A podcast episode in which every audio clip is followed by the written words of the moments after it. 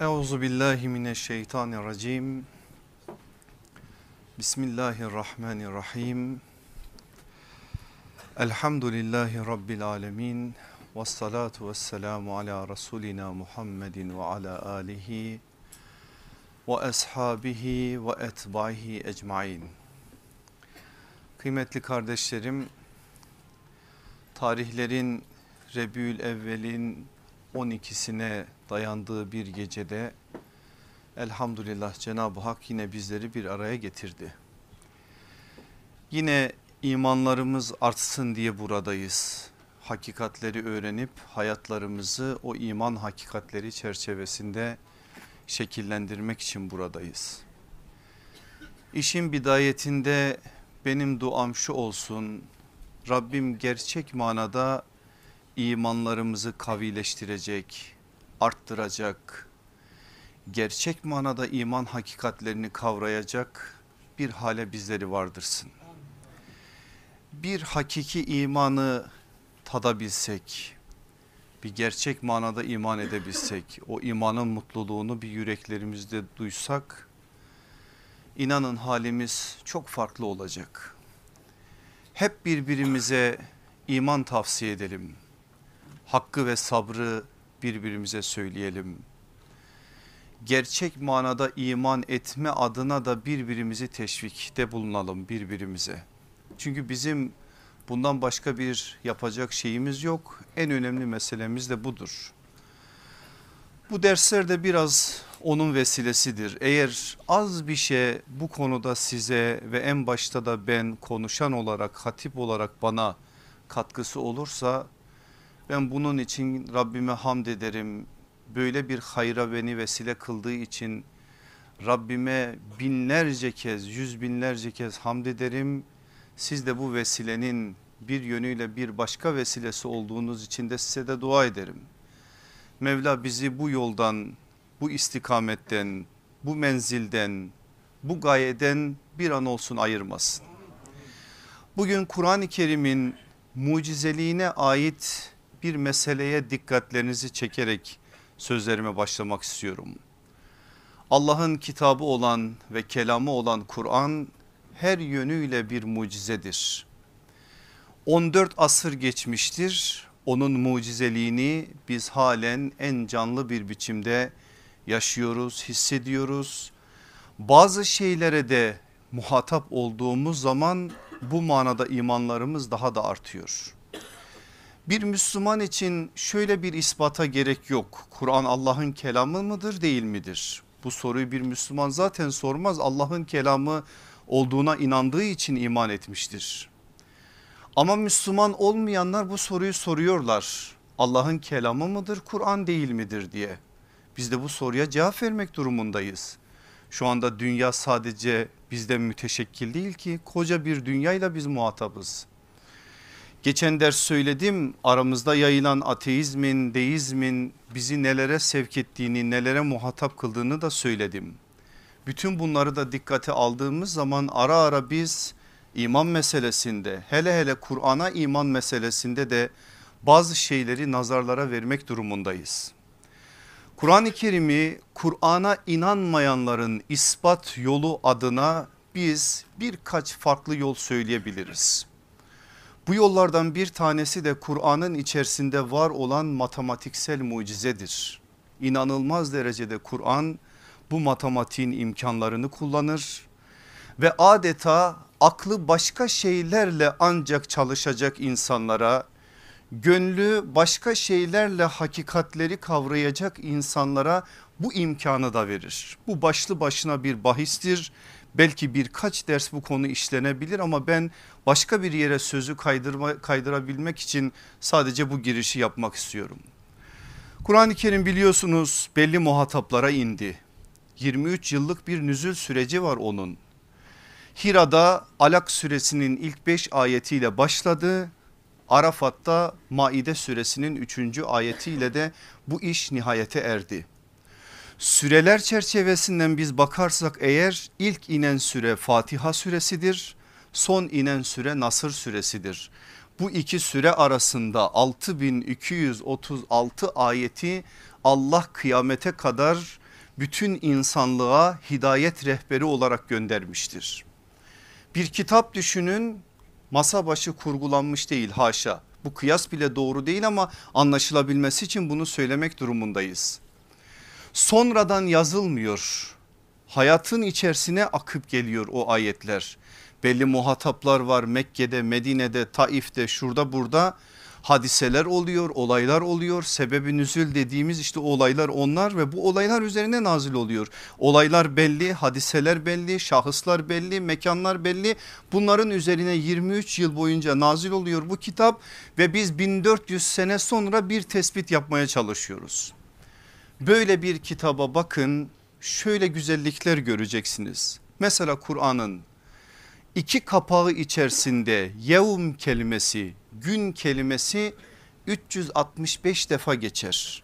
Yıl 365 Kur'an gün kelimesini 365 defa kullanır.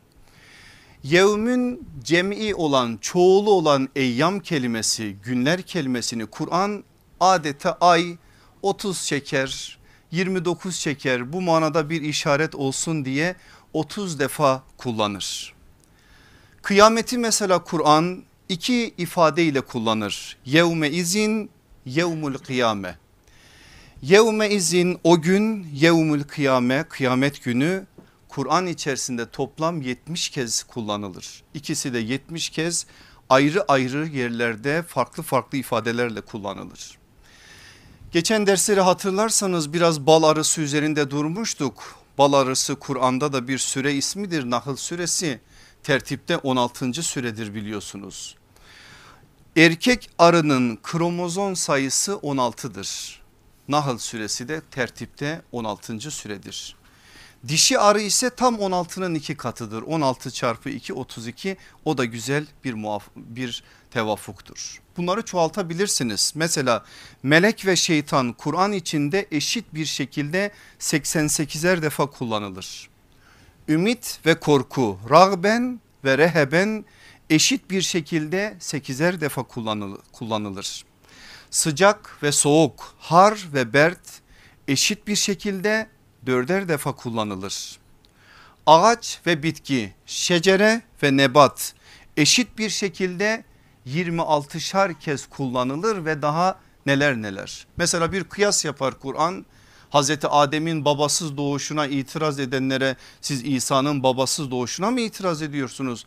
Onun meseli aynen Adem'in meseli gibidirdir. Hazreti Adem'le kıyaslar ayette bu ifade var. İki peygamber Kur'an içerisinde 25'er kez kullanılır. 25 kez Hazreti İsa'nın adına rastlarsınız. 25 kez ise Hazreti Adem'in adına rastlarsınız. Çoğaltabilirsiniz bunları. Bundan birkaç sene önce dış ülkelerden hadi söyleyeyim Hollanda'dan bir kardeşimiz kendisinin ateist olduğunu ve Allah'ın kelamı içerisinde de çelişkiler olduğunu beyan eden bir mektup bir mail göndermişti bana. Ben de ona bir şeyler yazdım bunları da yazdım bunlardan daha da ötelerini de yazdım. Sen bir dedim buna bir bak Allah'ın kelamı olup olmadığı meselesini bilare konuşalım. Üç ay ortalıkta yoktu. Üç ay sonra bir mektup yazdı yine bir mail attı bana. Evet aynen saymış ben ne kadar rakam vermişsem onlar gerçekten doğru mudur değil midir Kur'an içerisinde tespit etmiş. Sonra yüreğine Allah iman nurunu bunun vesilesiyle ulaştırdı. Binlerce böyle kardeşimiz var. Bu insanlara bazen biz başka şeyleri de kullanarak Allah'ın kelamını ispat etmek durumundayız. Bu da yollardan bir yol. Evet burada parantez içerisinde bir şey söylememiz lazım. Kur'an Allah'ın kitabıdır, kelamıdır ve mübin bir kitaptır. Ap açık bir kitaptır. Matematiği kullanır ama matematiksel işlerle çok fazla uğraşmaz açık ve apaçık bir kitap olduğu için öyle bilmeceyle bulmacayla bizi uğraştırmaz. Ama böyle bir yolda varsa eğer ve bu yolda bugün artık bizim işte belli şeylerle ispatlanıp ortaya koyduğumuz meselelerse gönlü bunlarla İslam'a ısınacak, Kur'an'a ısınacak insanları da bunlarla İslam'a taşımamız gerekir. Aziz kardeşlerim dünya ve ahiret Kur'an'da kaç kez kullanılır biliyor musunuz? 115 kez. 115 kez dünya 115 kez ahiret ayrı ayrı yerlerde ayrı ayrı ifadelerle kullanılır. Bu da güzel bir tevafuk. Şimdi o 115 ayetin tamamını ben size verecek değilim. Ona ne benim takatim ne sizin takatiniz yeter. Geçen bu hafta pazartesi gününden bugüne kadar hem ben hem de bazı kardeşlerime tarattım. Hadislerde de dünya ve ahiret ifadelerini bir buldurdum inanılmaz derecede. O da en az Kur'an'da kullanıldığı kadar 115 belki daha fazla bir miktarda ayetlerde kullanıldığı gibi hadislerde de kullanılır. Ben bütün bunların üzerinden size 8 tane dünya ahiret mukayesesini vereceğim.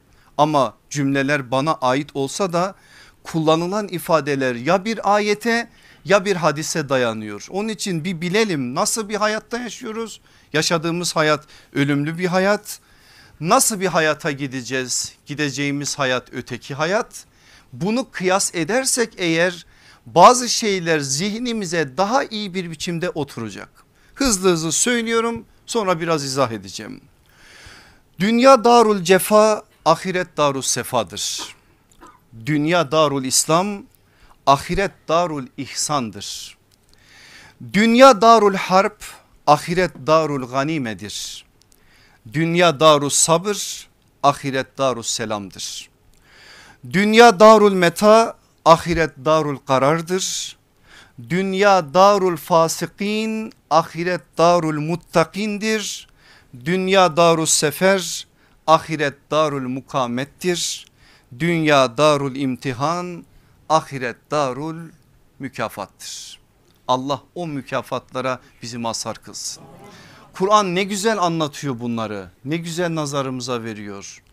Hadisler o Kur'an'ın söylediği ifadeleri bazen meseleler içerisinde bazen kıyaslamalar içerisinde öyle şeyler var ki mesela bugün ben bu meseleye bakarken önüme düştü. Allah Resulü aleyhissalatü vesselam soruyor bu gece bir rüya göreniniz var mı? Sahabe o gece rüya görmemiş biz görmedik ya Resulallah diyorlar. Allah Resulü de ben gördüm diyerek cennette gördüğü rüyasını anlatıyor o cennet bahsine havale edelim o rivayeti. Uzunca bir rivayettir.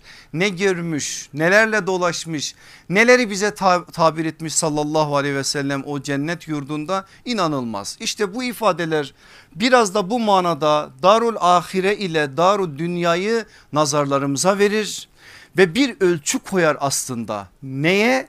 ne kadar değer verileceğini iyi bil ey insanoğlu. Bunu bilirsen eğer nerede ne kadar kalacaksan oraya o kadar hazırlanırsın. İşte bu ifadeler bir yönüyle bize böyle bir bilinç uyandırmak için gelir. Darul cefa, cefa yurdu. Buna itirazınız var mı? Cefadayız, cefa çekiyoruz, cefa da çekeceğiz. Bu sonuna kadar da böyle devam edecek. Sefa nerede bunu bu işin? Ah, ahirette orası darus sefa. Orada inşallah rahat edeceğiz. Şimdi oranın darus sefa olduğunu bilen buradaki cefaya takılır mı Allah aşkına? Bu kadar dert sıkıntı bir gün sona erecek bunu bil. Bildiğin zaman problem yok artık ondan sonra sen başka bir şeye hazırlanacaksın. Dünya darul İslam orası ahiret darul ihsan burası darul İslam o halde böyle bir bilinç bizde uyandırmalı. Sen dünyanın dört bir tarafını Darul İslam kılmak zorundasın. Eğer yeryüzü mülk Allah'ınsa Allah'ın dünyasında da Allah'ın dediği olması gerekiyorsa o zaman dünyada sana her tarafıyla mescit kılınmışsa yapman gereken belli. Ne yapacaksın? Dünyanın bir karış toprağını secdesiz bırakmayacaksın. Aslında dünyanın Darul İslam olması böyle. Biz meseleyi bazen fıkhın içerisinde farklı tartışırız. O ayrı bir mesele. Ama burada dünyanın Darul İslam olması aslında İslam'ın hakimiyetiyle alakalı bir durumdur. Bunu anla ancak ihsan yurdunun ahiret olduğunu unutma. Dünya Darul Harp öyle mi? Öyle. Harp halindeyiz bakın. Nefsimizle harp halindeyiz. Düşmanlarımızla harp halindeyiz. Küffarla harp halindeyiz. Onlar da bizimle harp halinde. Sen istediğin kadar hoş gör onları. İyi hoşsun de onlar için güzel güzel şeyler söyle. Adam seni yok etmek için elinden geleni yapacak. Onun derdi bu. Bugün bu memlekette bile bütün dünyada bile İslam'ı yok edecek İslam'ı haritadan silmek için kendini adamış kendini vakfetmiş şeytanın adamları olacak bir zümre var. Bunu hiçbir zaman unutma. Bunu bil ve Darul Harp'te olduğunu aklından çıkarma ki Darul Ganime'ye ganimet yurduna o ganimetleri elde edeceğin yurda kadar kendini hazırlayasın. Dünya darus sabır bela imtihan varsa sabır olacak ama ahiret darus selam En'am suresi 127. ayet onu söylüyor zaten. Dünya darul meta az bir geçimlilik az bir keyif alacağın yer az bir barınacağın yer ama ahiret darul karar asıl yurt ordu orasıdır. Mümin suresi 39. ayette bu. Dünya darul fasıkin fasıklar yurdu. Dünyada fasıklar olacak ve müminler az olacak. Şükredenler az olacak. Bu böyledir zaten. Genel anlamda dünyada insanların yani eksen nasın çoğu Allah'ın istemediği şekilde yaşayacaklar. Bunu da Kur'an'ımız onlarca ayette beyan ediyor. Dünyanın darul fasıkin olduğu Araf suresi 145. ayet. Ahiret ise darul muttakin Nahl suresi 30. ayet. Dünya darus sefer, ahiret darul mukamettir. Fatır suresi 35. ayet ikamet yurdudur. Yani asıl barınacak yurdur, yurttur. Dünya darul imtihan, ahiret ise darul mükafattır. Bunlar zihnimizde bir yerde dursun ki dünya ile ahiret meselesindeki kıyası doğru yapalım. Bugünkü dersimizin başlığı ne? Bütün dertlerin dermanı ahirete iman. Gerçekten böyle mi? E vallahi böyle, billahi böyle. Ahirete iman dertlerin dermanıdır. Bunu siz de biliyorsunuz. Ama zihnimize böyle bu hakikat adeta bir çivi gibi çakılsın diye sallallahu aleyhi ve sellem efendimizin bir sözünü size emanet etmek istiyorum. Bakın Efendimiz ahirete imanın dertlerin tamamının dermanı olduğuna dair hakikati nasıl söylüyor? Abdullah İbni Ömer naklediyor radıyallahu anhuma. Diyor ki sallallahu aleyhi ve sellem buyurdu ki her kim dertleri bir dert yaparsa Allahu Teala onun dünya ve ahiret işlerinden dert ettiği her şeye kafi gelir. Dikkat edin sözlere. Her kim dertleri bir tek dert yaparsa Allahu Teala onun dünya ve ahiret işlerinden dert ettiği her şeye kafi gelir. Her kim de dertlerini çoğaltırsa Allahu Teala onun dünya vadilerinden hangi vadide helak olduğuna aldırmaz. Hadis gayet açık. Beyhaki'nin şuabul imanında geçen bir hadis. Daha da anlaşılır kılayım ben size anlaşılır da zihinlerimizi o anlamaya hazır bir hale getireyim. Aslında hadisin dediği nedir biliyor musunuz? Derdi dünya olanın dünya kadar derdi olur. Derdi ahiret olanın ahiret kadar himmeti olur. Sallallahu aleyhi ve sellemin söylediği bu hadisin bize verdiği mesaj budur. Derdi dünya olanın dünya kadar derdi olur. Derdi ahiret olanın ahiret kadar himmeti olur. Efendimiz bunu söylüyor. Eğer derdinizi bir tek derdi indirirseniz dert çok. Derdi sayılmayacak kadar çok. Bakın burada ne kadar insanız. Şöyle herkes şimdi zihninden belki de dertlerini düşünüyordur. Belki de aklında esnafsa pazartesi ödeyeceği ödemeleri, ev kirası gelmiştir onun derdi. Sabah hanımla birbirleriyle biraz bir şeyler yaşamıştır o. Dün komşuyla bir şey yaşamıştır o. Talebeler var içimizde çok zaten talebelerin derdi hiç bitmez.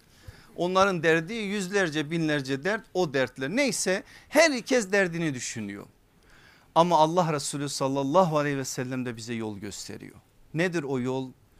Derdini bir tek derde indirirsen bu işten kurtulabilirsin. Ahiret derdini sen öncelikli olarak edinirsen diğer dert hafifleyecek sana. Şöyle anlayalım somut bir örnek vereyim ki iyice anlaşılsın.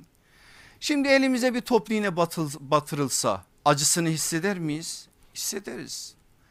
E gelse birisi bir hançer saplasa yüreğimize karnımıza o arada biri toplu iğneyle elimize iğneyi batırsa buradaki acı oradaki acıyı hissetmemize fırsat verir mi? Vermez. Şimdi sen ahiret meselesini büyük bir dert olarak yüreğine getirip oturtturduğun zaman diğerleri sivrisineğin ısırması toplu iğnenin batması gibi geliyor sana.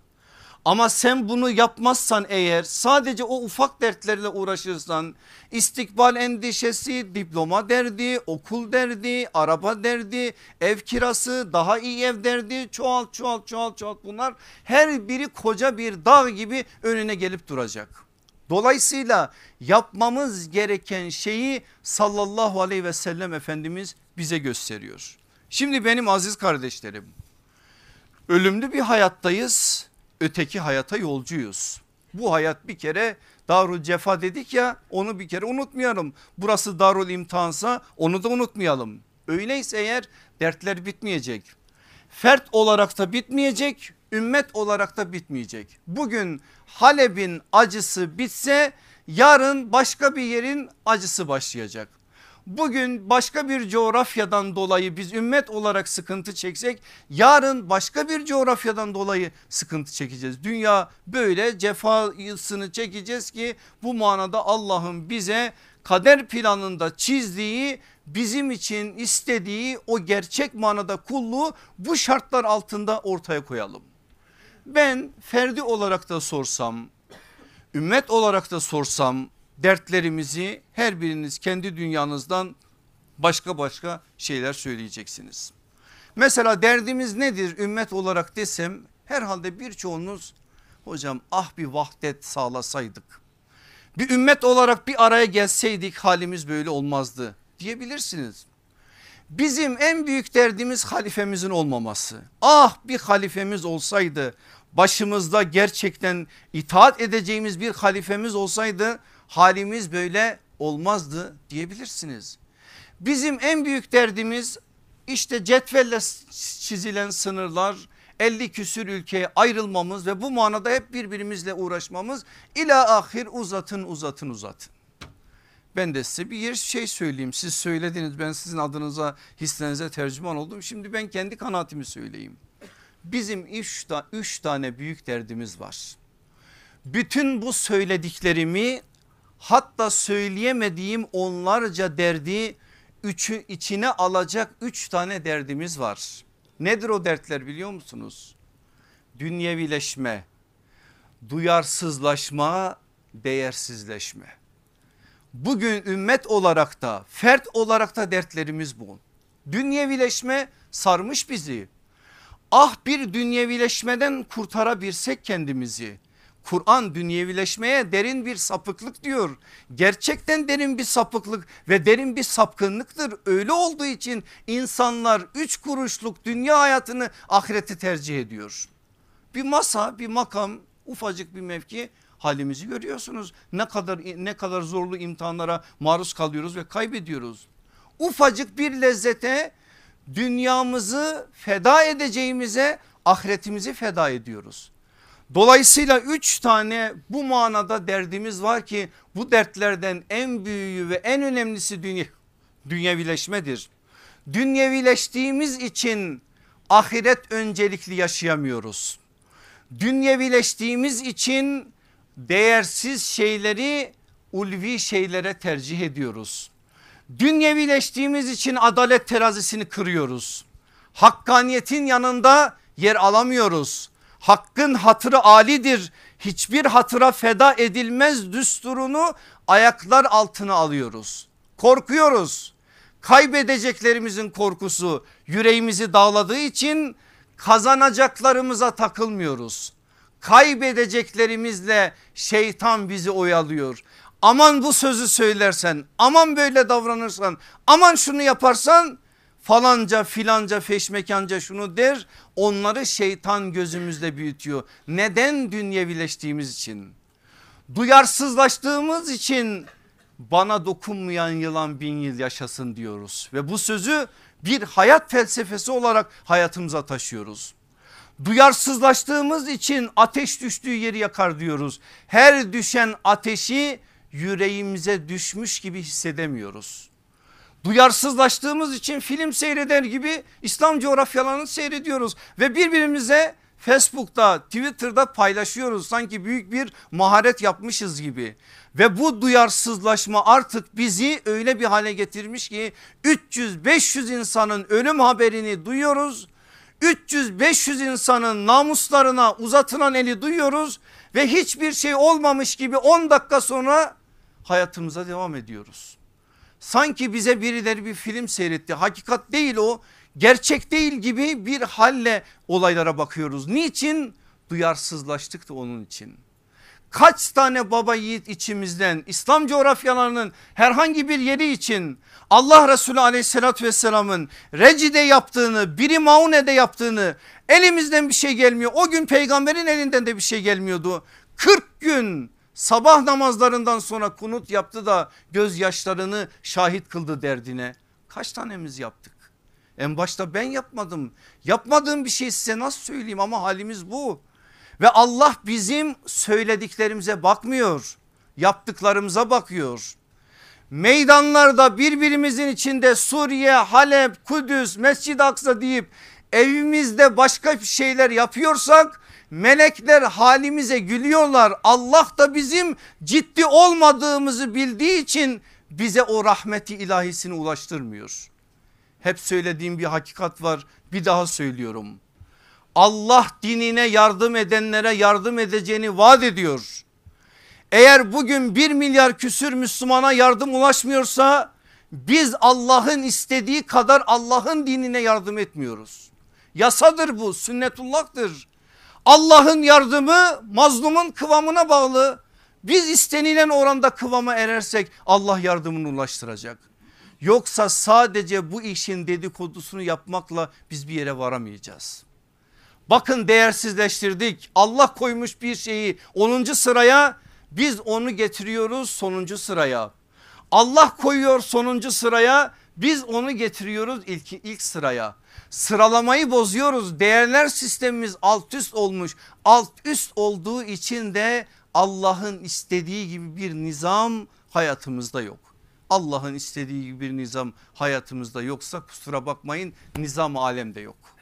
Çünkü nizam alem önce küçük bir alem olan bende başlar sende başlar. Sen kendi hayatında bu nizamı oluşturacaksın ki Allah senin ve senin gibi düşünen o bal arılarını bir petekte toplasın ve aleme nizam verecek bir hale vardırsın. Cenab-ı Hak yine kusurlarımıza noksanlarımıza rağmen bizleri affetsin ve bizi o kıvama vardırsın inşallah. Zorluyorum bazen hissiyatımı karıştırmayayım ama ne yapayım bazen ister istemez bazı şeyleri söyle, söylemek zorunda kalıyoruz. Allah bizleri affetsin inşallah. Bu üç derdin üç dermanı var benim aziz kardeşlerim. Dünyevileşme, değersizleşme, duyarsızlaşma üç dert. Üç derdin üç dermanı var. Uhrevileşme, ulvileşme, umranlaşma. Dünyevileşme derdinin dermanı uhrevileşmedir. Yani ahiret öncelikli yaşamaktır. Ahirete küsmek yok. Ruhbanlık bizde bir hayat tarzına dönüşmez. Allah bunu bizden istemez. Yani ben şimdi elimi eteğimi çekeyim gideyim bir mağarada ya da bir tekkede bir dergahta hiç kimseyle irtibatım olmasın. Gece gündüz ömrümün sonuna kadar kendimi ibadete vereyim. Bu İslam'ın öngördüğü bir hayat düzeni değil. Biz cuma günü bile bakın cuma süresinden okuyoruz. Cuma günü bile aslında cumanın resmi tatil olup olmama meselesi bile bizim için önemli değil. Ayet bize başka bir şey söylüyor. Sadece namazdan sen sorumlusun. Ondan sonra dağılıp yeryüzünde yine rızkını arayacaksın. Dünya ahiret dengesini söylüyor Kur'an. Ama burada söylenen uhrevileşme ahireti hayatın öncesine almaktır. Eğer birini birine feda etmek durumunda ve zorunda kalırsan ki kalırsın kalacaksın. Eğer bu yolda doğru bir biçimde yola revan oldunsa Allah seni bununla imtihan edecek. Neyi neye feda edeceğini buradan öğreneceksin. Dolayısıyla burada biz dünyevileşmenin derdini uhrevileşme dermanıyla sıhhate kazan, kavuşturabiliriz bunu unutmayalım. İkincisi değersizleşme derdinin dermanı ulvileşmedir. Yani yüce olanlara gönül vermektir. Alçak olanla aşağı olanla yetinmemektir. Daha daha ötesi varsa eğer o ötesine gönül vermektir. Kimin gibi? Aynen sahabe gibi. Birkaç örnek şimdi vereceğim. Üçüncüsü umranlaşma. O neyin dermanıydı? Duyarsızlaşma derdinin dermanı umranlaşma. Bu umranlaşma nedir? İmar etmektir. İmarın yaygınlaştırmasıdır. Yani ne demek? Medeniyet inşasını sevda haline getirmektir. Eğer sen duyarsızlaşma derdini umranlaşma dermanıyla karşılarsan senin böyle yüce bir sevdan olur. Şimdi bakın sırtımızı yasladığımız o yüce dağ, o güzel dağ, o büyük dağ Eba Eyyub El Ensari'yi de ta o tarihte buralara getiren sevda aynı sevdaydı. Dursaydı peygamber şehrinde Medine'de, Medine'de ölmek var. Ondan daha güzel bir şey var mı? Neyi duydu da buralara geldi? İşte değerli olana asıl gönül verdi. Ulvi olanları sevda haline getirdi. Biz tattık imanın mutluluğunu tatmayan binler var. Umranlaşma sevdasıyla yani İslam'ın medeniyet olma adına açtığı o ufukla peygamberin kendilerine gösterdiği hedef doğrultusunda ilerledi. Az bir şey aklımız olsa az bir şey Allah Resulü sallallahu aleyhi ve sellem İstanbul'u gösterdiği zaman Roma'yı da gösterdi. Bizim sevdamız orası olur. Kudüs sevdamız ayrı. Biz gözümüzü Roma'ya diktiğimiz zaman Allah Kudüs'ü bize bahşedecek. Dünyamızı biz küçülttüğümüz oranda o küçük işlerle uğraşıp duracağız. Ama sevdamızı büyüttüğümüz zaman ama bu manada yüreğimizdeki o aşkı büyüttüğümüz zaman Allah diğerlerini de ekstradan verecek. Allah aşkına anlamaya çalışalım. Hicretin 5. yılı Hendek gazvesi sırasında Koca bir kaya çıkıyor önlerine sahabenin yerinden edemedikleri zaman Allah Resulüne geliyor haber. Efendimiz geliyor Selman-ı Farisi'nin elindeki balyozu alıyor. Üç kez o kayaya vuruyor. Üçünde de semaya kıvılcımlar çıkıyor. Sallallahu aleyhi ve sellem üç müjde veriyor. O kıvılcımları gördünüz mü? Gördük ya Resulallah. Neydi onlar? Allah ve Resulü daha iyi bilir. Efendimiz söylüyor. Onlar Yemen'in tahtının, saraylarının, topraklarının size müjdesidir. O kıvılcımlardan bir tanesi Kayser'in saraylarının topraklarının müjdesidir. O kıvılcımlardan bir tanesi Kisra'nın saraylarının topraklarının sana müjdesidir. Sahabe ne dedi? Allahu Ekber ve lillahil hamd dedi.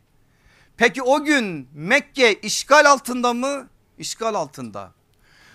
Kabe 360 tane puta mahkum mu? Evet 360 tane o gün Kabe'de put var. Müslümanlar Mekke'ye giremiyorken sallallahu aleyhi ve sellem devrin iki süper gücünü ve bir koca medeniyetini işaret ediyor. Müslümanlar kendi doğdukları memlekete giremezken gözlerini ufuklarını dünyanın o zamanki iki süper gücüne çeviriyor. Bu nedir biliyor musunuz? Peygamber ufkudur. Bu ufku yakaladığı zaman ümmet asıl olacak olacak. İnşallah Rabbim o ufku bizlere kazandırsın.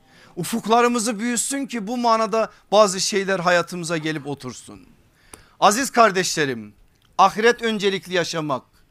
Üç derdi üç derman ile savmak. Bunlar sahabenin dünyasında karşılık bulacak şeylerdi. Bulan şeylerdi de zaten. Birkaç tane örnek vermek istiyorum biraz farklı örnekler vermek istiyorum. Belki kıyası siz yaparsınız. Daha farklı bir biçimde bu örneklerin altını doldurursunuz da dünya ahiret dengesi adına bazı şeyleri hayatımızda daha farklı bir biçimde tesis ederiz. Sahabilerden bir tanesi hırsızlık yapmış. Var mı böyle şeyler? E var biz insanlardan bahsediyoruz. Beşerden değil insandan bahsediyoruz. Ama hiç kimse görmemiş. Hiç kimse böyle bir şeyden haberdar değil. Hırsızlığın cezası nedir İslam'da? Sağ elin kesilmesi, kolun koparılmasıdır yani sadece bir çizik atma değil. böyle bir cezaya uğradığı zaman bir ömür kolu yok olarak yürüyecek insanların içinde. Böyle bir şeyin insana ne kadar büyük bir acı verebileceğini tahayyül ediyor, edebiliyor musunuz? Edersiniz edin etmeye çalışın. Ama bu sahabi efendimiz Allah ondan ebeden razı olsun başımızın tacıdır o. Şimdi adını da söyleyeceğim adı verildiği için söyleyeceğim. Başımızın tacıdır o bize bir şey öğretecek yaptığı bir yanlışlıkla ve ahirete kalmasın o hesap.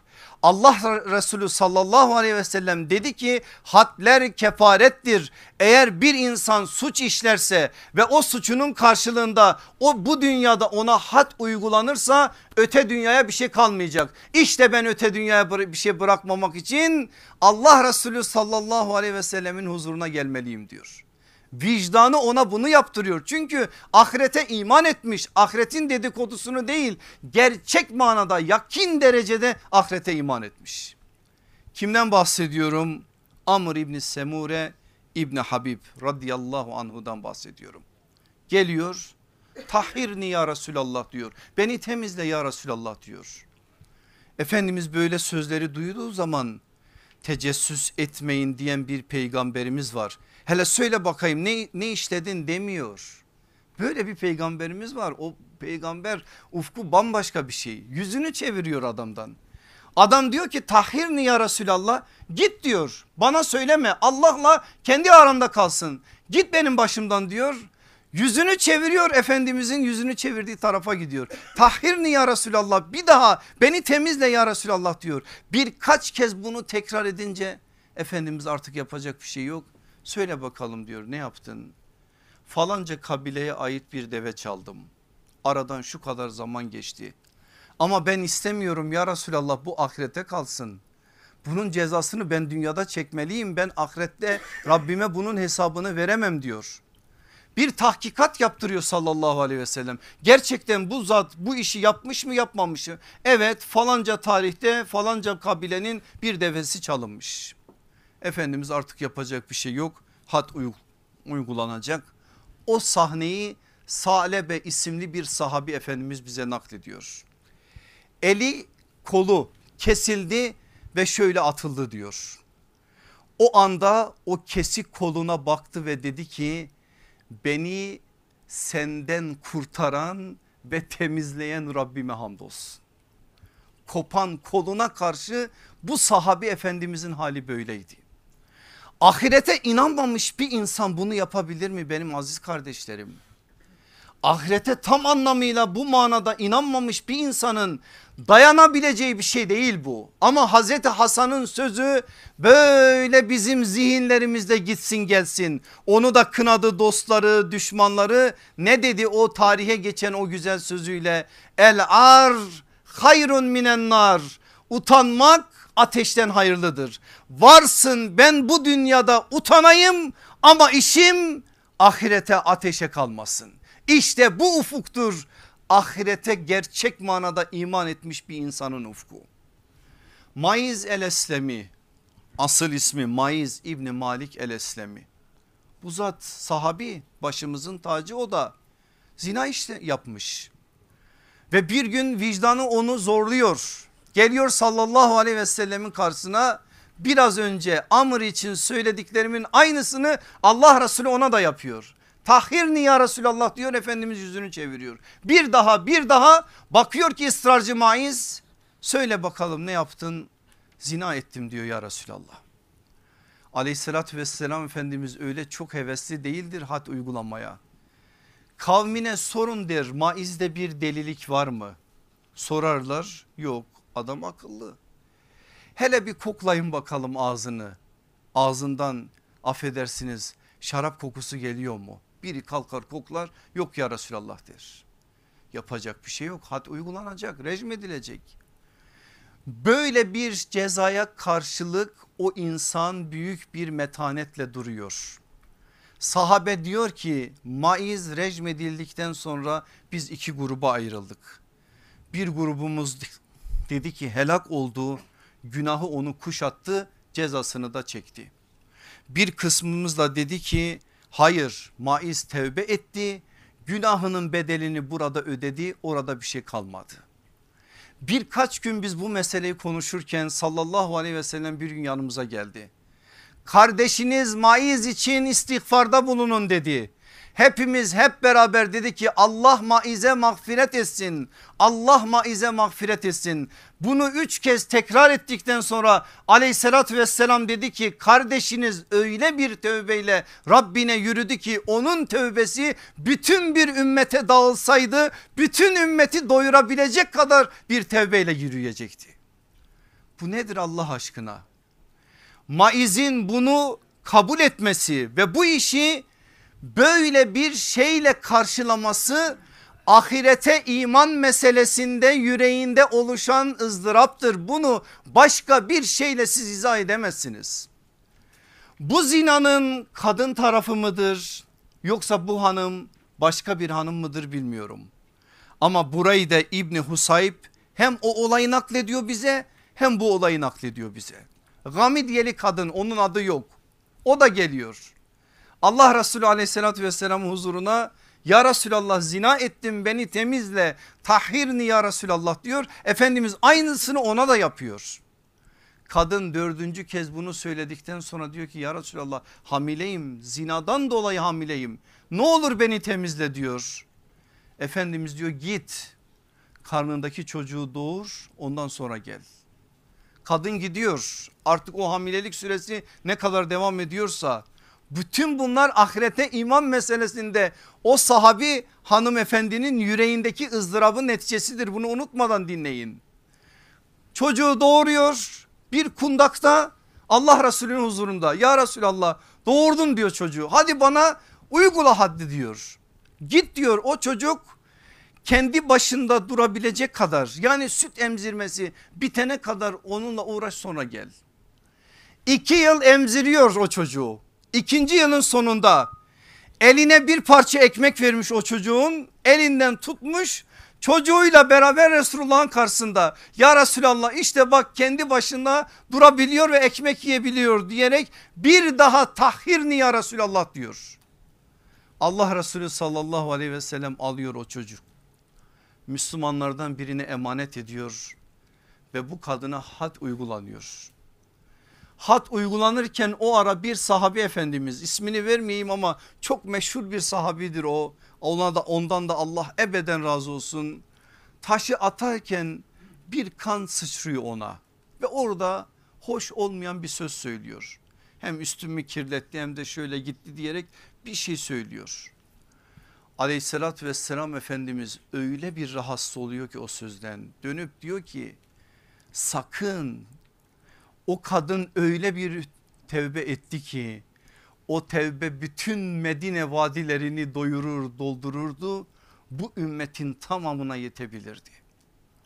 Allah Resulü sallallahu aleyhi ve sellemin mektebinde yetişen insanlar böyleydi. Ahiret ızdırabı onların yüreklerini böyle dağladığı için hiçbir şeye takılmadan bu dünyada bu işin bedelini ödeyelim ahirete bir şey kalmasın ızdırabıyla yanıp tutuşarak peygamberin huzuruna geliyorlardı. Olayın başka bir tarafına dikkat çekmek için size bir başka rivayet vereyim. Habeşistan'dan gelmiş Müslümanlar. Bizim peygamberimiz böyle bir peygamber. Tecrübeye inanır. İnsanlığın değerlerini merak eder. Öyle dünyaya kapıyı kapatan birisi değil o. Toplamış o Habeşistanlıları Habeşistan hicretine katılan sahabileri anlatın diyor bize. Anlatın bakalım. Habeş diyarında ilginç yaşadığınız olaylar var mı? Anlatın ki istifade edelim. Onlardan birisi kalkıyor ayağa. Artık kimse. Ya Resulallah diyor. Biz bir gün otururken yaşlı bir rahibe başında su testisi taşırken bizim yanımızdan böyle geçti. Biraz ileriye gidince genç bir delikanlı o kadını itti o rahibeyi ya da çelme taktı. Kadın yüzüstü düştü başının üstünde taşıdığı testi de kırıldı. Çok içerledi buna kalktı dedi ki ey zalim Allah kürsüyü kurup gelmiş geçmiş herkesi huzurunda topladığında eller ve ayaklar konuşup yaptıklarını anlattıklarında Allah'ın huzurunda benim halimle kendi halinin nasıl olduğunu o zaman göreceksin. Efendimiz'e baktık diyor olayı bize aktaran ravi İbn Mace'de geçen bir hadistir bu. Baktık gözünden yaş akıyor ve dedi diyor ki rahibe doğru söyledi. Rahibe doğru söyledi kaç kez? Sonra dedi ki zayıfların güçlülerden hakkını alamadığı bir toplumu Allah günahlardan arındırıp nasıl temize çık çıkarır? Bu sözleri söyledikten sonra neye dikkat çekti sallallahu aleyhi ve sellem Efendimiz? Her şeyin hesabı var her şeyin. Bunu bil bakın Habeşistan'da Hristiyan bir rahibenin yaşadığı bir şey üzerinden Allah Resulü sallallahu aleyhi ve sellem hak hukuk dersi veriyor. Sen bunu yaptın ama yarın bunun Allah katında hesabı var. Şimdi bunu duyan bir sahabi hak hukuk konusunda ne kadar hassas olabileceğini varın siz tahayyül edin. Geliyor iki kişi anlatmıştım geçen derslerde. Anlatıyorlar davalarını sallallahu aleyhi ve sellem tamam diyor. Hak senin sen ise haksızsın diyor. Sonra Efendimiz şunu diyor dikkat edin. Siz nasıl anlattıysanız ben onun üzerinden hüküm verdim. Sizden biriniz dili iyi kullanabilir. Yani böyle dili iyi olan birisi olabilir ikna edici konuşur, beli konuşur, beni farklı bir biçimde ikna edebilir. Ben de o konuşulanlar üzerinden hüküm verebilirim. Eğer böyle birisi yapar da kendisine ait olmayan bir hakkı bundan dolayı hak sahibi olarak kılar ve o hakkı alırsa ahirette yarın Allah'a bunun hesabını verecek. Hatta Efendimiz sallallahu aleyhi ve sellem bir benzetme yapıyor. Demirden bir zırhı giyinmiş bir biçimde Allah'ın huzuruna gelecek. Sahabi bunu duyunca ne yapacak? İkisi de hakkından feragat edecek. Ya Resulallah ben hakkımdan feragat ettim kardeşime ver ötekisi de aynı sözü söyleyecek. Çünkü ahiret meselesi var. Her şeyin satır satır kitaplarda defterlerde yazıldığı bir an var. Hiçbir şeyin gizli kalmadığı bir an var. Öyleyse eğer sahabi durur mu? Olayın bir başka boyutuna dikkatlerinizi çekeyim. Ümeyr İbni Hümam radıyallahu an büyük bir sahabi gencecik birisi ama şehadet aşkıyla yanıp tutuşan birisi 20-25 yaşlarında bir delikanlı babası Humam bin El Cemuh annesi Nevvar binti Amir ki sahabe içerisinde bilinen insanlar. Sallallahu aleyhi ve sellem Efendimiz bu gencecik delikanlıyı yaşça kendisinden çokça büyük olan amcasının oğlu Ubeyde İbni Haris ile kardeş kılmış. İkisi de Bedir'in meydanındalar. Bedir'in öncesi aleyhissalatü vesselam Efendimiz sahabeye bir konuşma yapıyor. Konuşmada şöyle. Genişliği yer ve gök arası kadar olan ve Allah'tan korkup ona karşı gelmekten sakınanlar için hazırlanmış olan cennete hazırlık yapın. Bu sözü duyar duymaz Ümeyr ne yapıyor biliyor musunuz? Ne hoş ne hoş diyor. Kaç kez sallallahu aleyhi ve sellem diyor ki niye öyle söylüyorsun Ümeyr? Ya Resulallah öyle bir şey söyledin ki sen. Cennete davet ettin bizi. Dua et de ben de onlardan olayım. Bunun üzerine Efendimiz sallallahu aleyhi ve sellem dedi ki sen o cennet ehlindensin.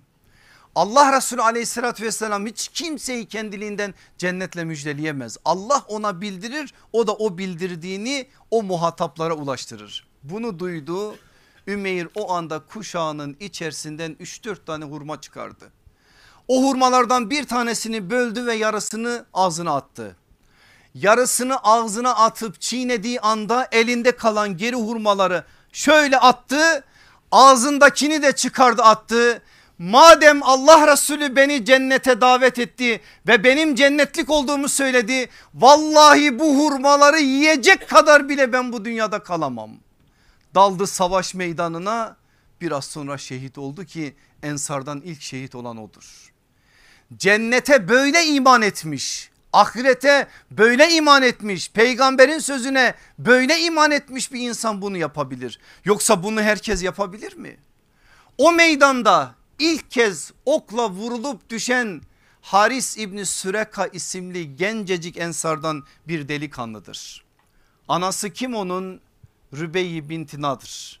Kim bu insan biliyor musunuz? Enes bin Malik'in halası. Dolayısıyla Enes'le Haris bin Süreka hala çocuğu dayı çocuklarıdır. Su alma sırasında atıyor Hibban İbni Arikan isimli bir müşrik onu şurasından ya isabet ediyor ok burasına düşüp burada şehit oluyor. Bedir dönüyor geliyor Bedir gazvesine Müslümanlar. Rübeyyi binti Nadır biraz endişeli, üzgün ve endişeli. Sebep ne? Oğlum daha savaş başlamadan öldü. Acaba gerçekten şehitlere vaat edilen şey oğluma ulaşır mı ulaşmaz mı? Gözyaşları içerisinde Allah Resulü'nün karşısında bir anne konuşuyor Resulullah'ın huzurunda. Ya Resulallah duydum Haris böyle böyle şehit olmuş. Allah aşkına söyle bana gerçekten Haris de şehitlere vaat edilen şeyi kazanacak mı? O cenneti hak edecek mi? Cennet onun içinde vacip olacak mı? Allah Resulü sallallahu aleyhi ve sellem duygulanıyor. Gözünden yaş boşanırken Rübeyye dönüp diyor ki sen ne diyorsun kadın? Ne cenneti? Allah ona Firdevs cennetlerini vaat etti. O şimdi Firdevs cennetlerindedir. Bu sözü duyunca ne gam bana. Madem benim oğlum orada bitti benim için artık bu dünyada oğlum için matem tutma yas tutma yok benim için diyecek. Resulullah'ın verdiği o müjdeye böyle icabet edecek. O anda söylenen söze böyle teslim olacak. Ahiret imanı meselesinde ondan istenilen kamet neyse onu ortaya koyacak. Cerir bin Abdullah Gaziantep'in sakinidir. Allah ondan ebeden razı olsun. Anadolu'nun İslamlaşmasında onun da büyük bir emeği var. O bize naklediyor. Bir grup sahabiyle beraber Medine'nin dışındayız diyor. Baktık uzaklardan bir atlı geliyor. Allah Resulü sallallahu aleyhi ve sellem dedi ki o atlı sizi arıyor. Bakın tevazuya dikkat edin. Beni arıyor demiyor sizi arıyor. Geldi o atlı ya da devenin üzerinde rivayette o var devenin üzerinde. Yaklaştı o cemaate selam verdi. Allah Resulü sallallahu aleyhi ve sellem dedi kimsin sen kendisini tanıttı. Nereden geliyorsun falanca kabileden ailemin yanından geliyorum. Peki nereye gidiyorsun? Ben Resulullah'ı arıyorum dedi. Ne yapacaksın Resulullah'ı? İman etmek için geldim dedi. Allah Resulü sallallahu aleyhi ve sellem dedi ki aradığın karşında. Heyecanlandı adam.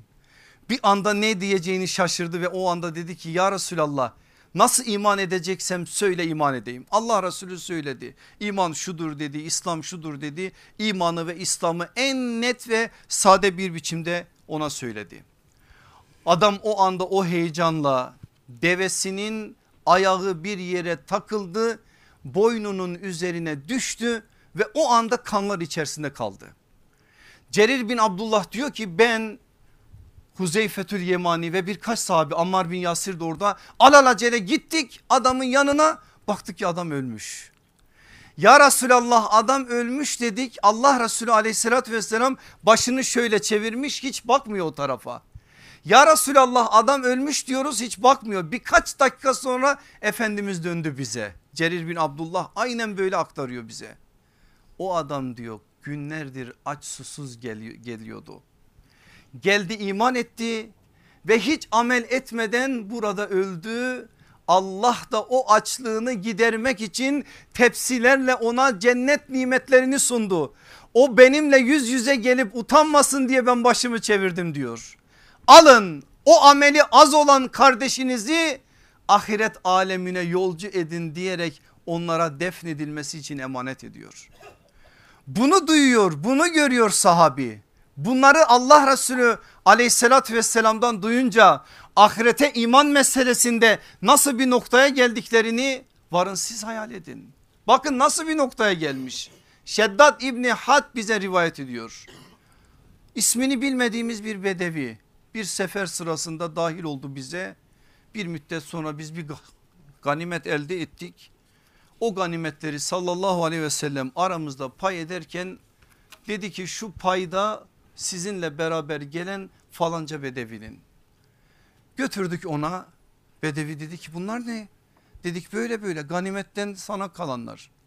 Hemen topladı onları sallallahu aleyhi ve sellem huzuruna geldi. Ya Resulallah dedi ben seninle bu ganimetleri elde etmek için cihada çıkmış değilim. Vallahi beni cihada çıkaran bir tek şeydir. Allah yolunda şurama bir ok isabet etsin ve ben okla şehadet şerbetini içeyim şehit olarak Rabbime yürüyeyim benim için sadece budur. O anda Allah Resulü sallallahu aleyhi ve sellem dedi ki eğer doğru konuşuyorsan Allah seni tasdikleyecek.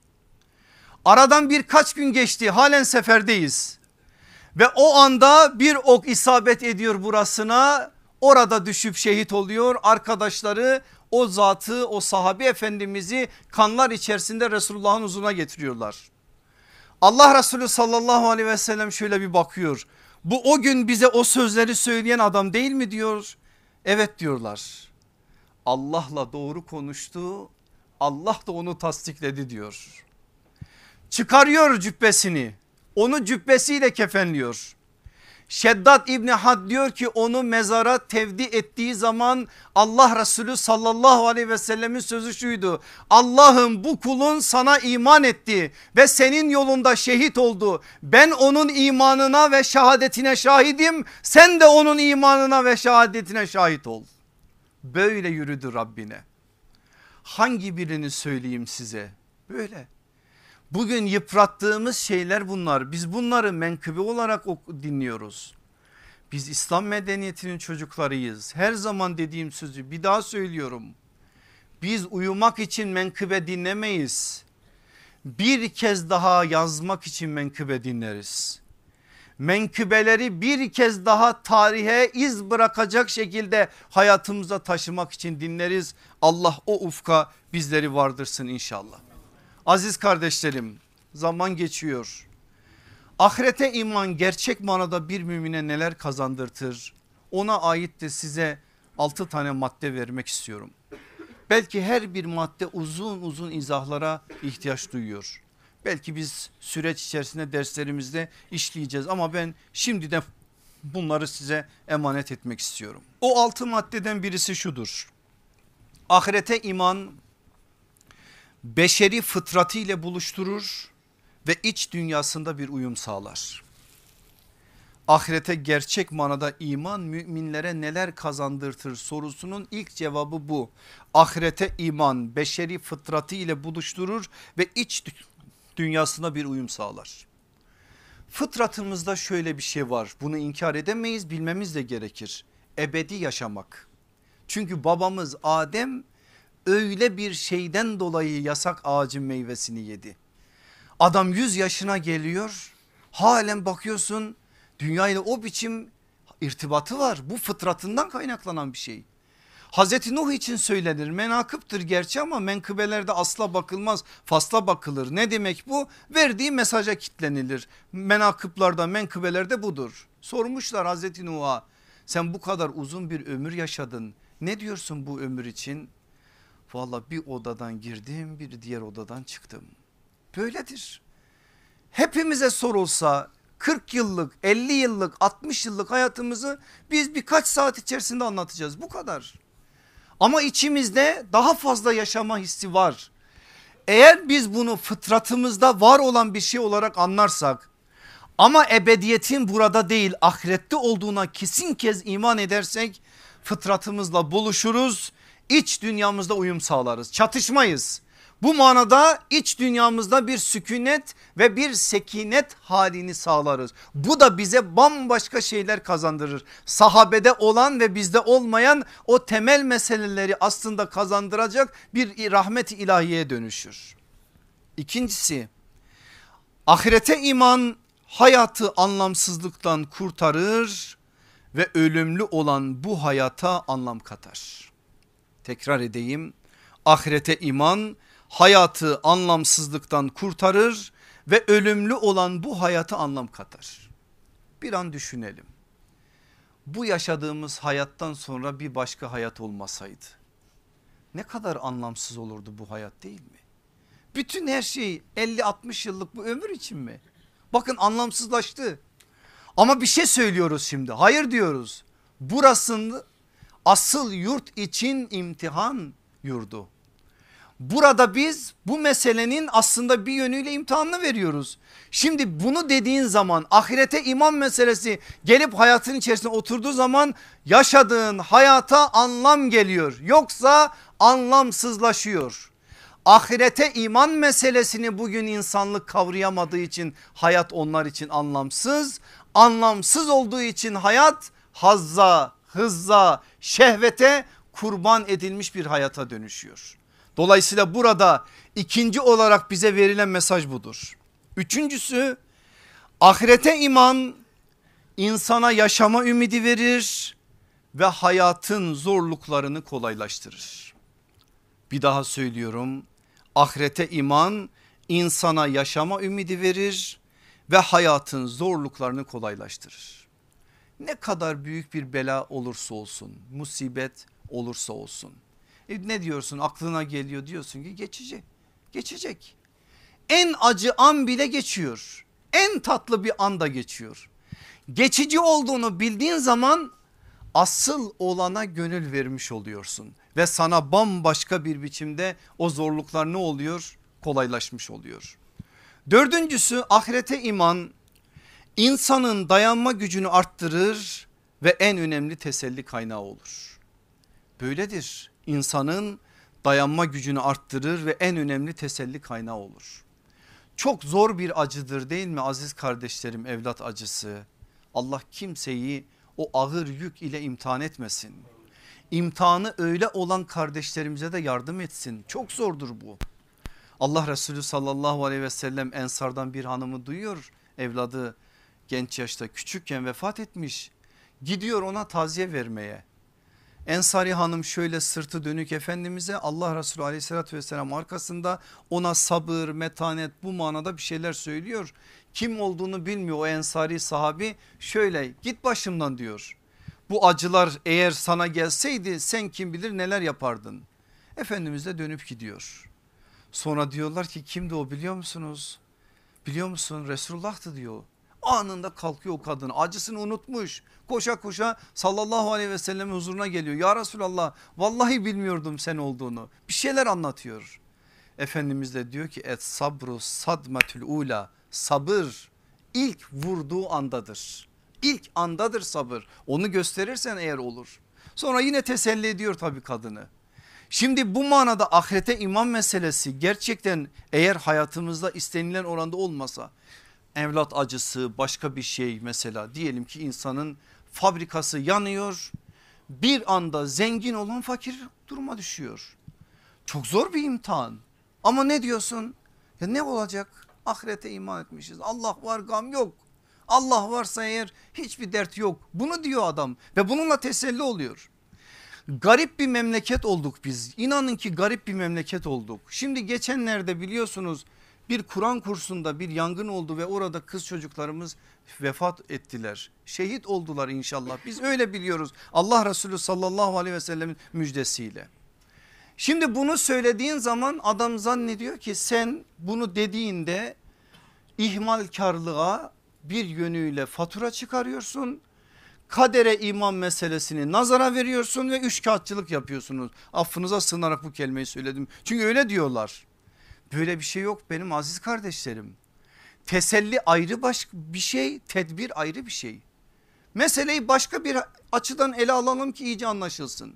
Sürekli karşılaştığımız olaylardan bir olay hatırlatayım size. Bir yolcu otobüsü düşünün. Şehirler arası bir yere giderken bir anda bir yangın oluşuyor ve o anda otobüsün içerisinde olan 10 kişi 15 kişi neyse yanarak orada vefat ediyorlar. Büyük bir acı değil mi? Büyük bir acı. Ne diyoruz? Allah rahmet eylesin. Cenab-ı Hak onların mükafatlarını ziyade etsin. Yakınlarına da sabrı cemil ihsan eylesin. Sabrederlerse mükafatlarını alacaklar diyoruz. Şimdi bunu demek o otobüs firmasının yaptığı ihmalkarlık varsa o ihmalkarlığın üstü kapansın demek midir? Allah aşkına meseleye biraz doğru bakın ya. Bunu diyoruz teselli olmak için ama diğer tarafta eğer bir ihmal varsa bir kusur varsa bu manada kim bu ma konuda herhangi bir kusuru işlemişse elbette ki onun karşılığını da bedelini de ödeyecektir. Hem bu tarafta ödeyecek hem o tarafta ödeyecek. Sadece mesele bu tarafta da değil. Ama acılar ne kadar büyük olursa olsun ahireti hatırlamak, kaderi hatırlamak acıları hafifleten bir şeye dönüşür. Eğer böyle olmasa hayat çekilmez olur. Eğer böyle olmasa Allah korusun isyankarlık bizim hayatımızı kaplar. Mesela bazen bu ölüm meselesini doğru anlamayan insanlar ölenle ölüyorlar. Adamın annesi ölmüş o da ölmüş onunla beraber. Hayattan bıkmış hayattan bezmiş hayattan küsmüş kendisini kapatmış bir yere böyle bir hayat sürüyor. Böyle bir şey İslam'da yok. Biz burada bu her yaşadığımız şeyin geçici olduğuna inanarak ahiret öncelikli yaşarız. Burada söylenen de o. Ahirete iman insanın dayanma gücünü arttırır ve en önemli teselli kaynağı olur. Beşincisi ahirete iman kötülükleri önler ve toplumda adalet duygusunu geliştirir. Eğer gerçekten ahirete iman varsa kötülükleri önler ve toplumda adalet duygusunu daha farklı bir biçimde geliştirir. Biz bu işi gerçek manada ümmete İslam ümmetine ve insanlığa anlatabilsek mahkemelerin şunların bunların yeri kalmayacak ki. Bugün varsa eğer sebebi belli ahirete iman meselesi yıprandığı için böyle oluyor. Adam arabasını park ederken falancasının arabasına vurup gidiyor. Gördü mü kimse? Görmedi. Ama eğer ahirete inanıyorsa o dert onun yüreğini yakar. Eğer hata etmiş kaçmış gitmişse mahkemeye bırakmaz. O mahkemede kamera kayıtlarıyla o araba tespit edilir şudur budur. Kendi gelir tespit ettirir o arabanın sahibini gel kardeşim ben böyle bir hata yaptım gel ödeyeyim neyse bedelini bir şekilde bedelini öder ve bu işi bitirir. Dalaveredir, üç kağıtçılıktır, işi becermedir biliyorsunuz bu işin adı artık becerme olmuş yani elinden bu manada işler gelince gözü açık oluyor insanlar. Gözü açıklılık yaparak onun bunun hukukuna girmedir. Bu tarz şeylere ahirete inanmış bir insanın hayatında yeri yoktur. Onun için im, ahirete iman kötülükleri önler ve toplumda adalet duygusunu geliştirir. Altıncısı ahirete iman dengeli yaşamayı sağlar ve insanı asıl yurduna hazırlar. Dünya ve ahiret dengesi ahirete imanla sağlanır. Gerçek manada iman eden bir insan ahiret öncelikli yaşayacağı için hayatında bir denge olur ve her an için kabrin arkasını düşünür. Her an için vereceği hesabı düşünür. Her an için bir hesabın varlığını hatırında tutar. Onunla birlikte o bilinçle Rabbine doğru yürür. Cenab-ı Hak hepimize o bilinci kazandırsın. Ahirete iman meselesinde sahabeye kazandırdığı o güzelliğin o derinliğin aynısını bizlere de kazandırsın. Bizi dünyaya saplanıp dünyayla eğlenen dünyayı sadece hayat olarak bilinenlerden eylemesin her zaman için cennet arzusuyla ve cehennem korkusuyla Allah'ın rahmetini elde etme adına o ızdırapla yürüyen ve her daim o vereceği hesabı düşünen o hesap içinde tir tir titreyen o akıbet endişesini yüreğinde duyan bahtiyarlar zümresine bizleri de dahil eylesin. Hepinizi Allah'a emanet ediyorum. Geceniz mübarek olsun diyorum. Mevlid geceniz, Mevlid kandiliniz şimdiden mübarek olsun diyorum. Alem onun nuruyla aydınlandı. Allah bizi onun nuruyla aydınlatsın ve o nurdan mahrum kılmasın diyorum. Velhamdülillahi Rabbil alemin.